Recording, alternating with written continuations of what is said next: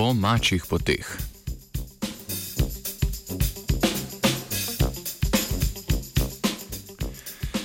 Mačke se drugače obnašajo v prisotnosti človeka, kot kadar so same. Zato snemanje mačk s kamero, ki jo upravlja človek, ali s kamero, ki je pritrjena le na enem mestu, ne dobimo popolne predstave o mačjem vedenju ob različnih časih in na različnih lokacijah. Britanski znanstvenici sta zato namestili kamere kar na mačke. Metodologijo svoje raziskave sta po štirih letih sledenja mačkam podrobno opisali v reviji Applied Animal Behavior Science.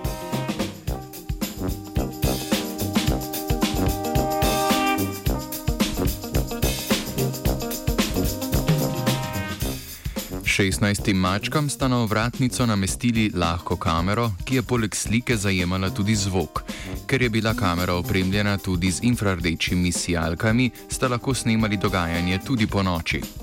Za validacijo metode sta posnetke, ki so jih zajele kamere, nameščene na mačje ovratnice, primerjali s posnetki kamere, ki sta jo držali v roki.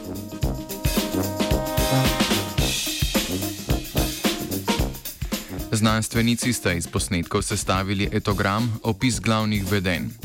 Pri proučevanju vedenja živali predstavlja etogram osnovo za objektivno zbiranje podatkov o vedenju.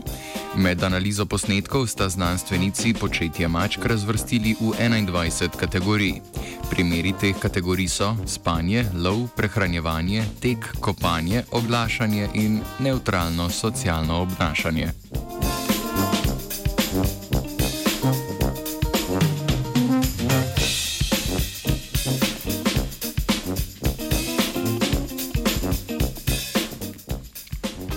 Ker je bila kamera nameščena na ovratnici in torej ni v celoti posnela telesa mačke, ki je kamero nosila, nista mogli vselej z gotovostjo prepoznati trenutnega početja mačke.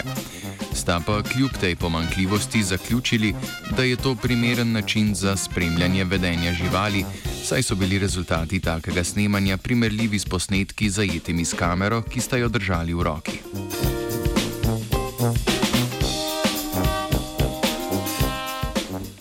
Verjetno nas pretirano ne preseneča, da so bila štiri najpogostejša vedenja počivanje, hoja, raziskovanje in ležanje. V prisotnosti znanega človeka mačke pogosteje jejo in so manj aktivne, ter imajo manj stikov z drugimi mačkami, saj, jih, saj se jih te izogibajo, dokler je človek prisoten.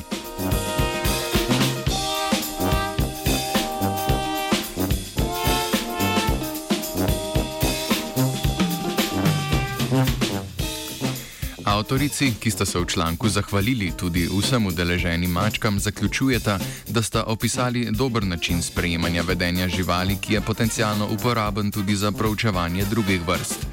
Ker pa je čas zajemanja posnetkov zaradi kapacitete baterije in spomina kamere omejen na nekaj ur, tak pristop ni primeren za spremljanje živali v divjini, temveč le tistih, ki prihajajo redno v stik s človekom.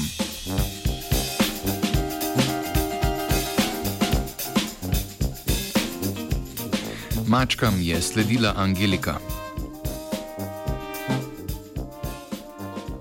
Radi študenti miga.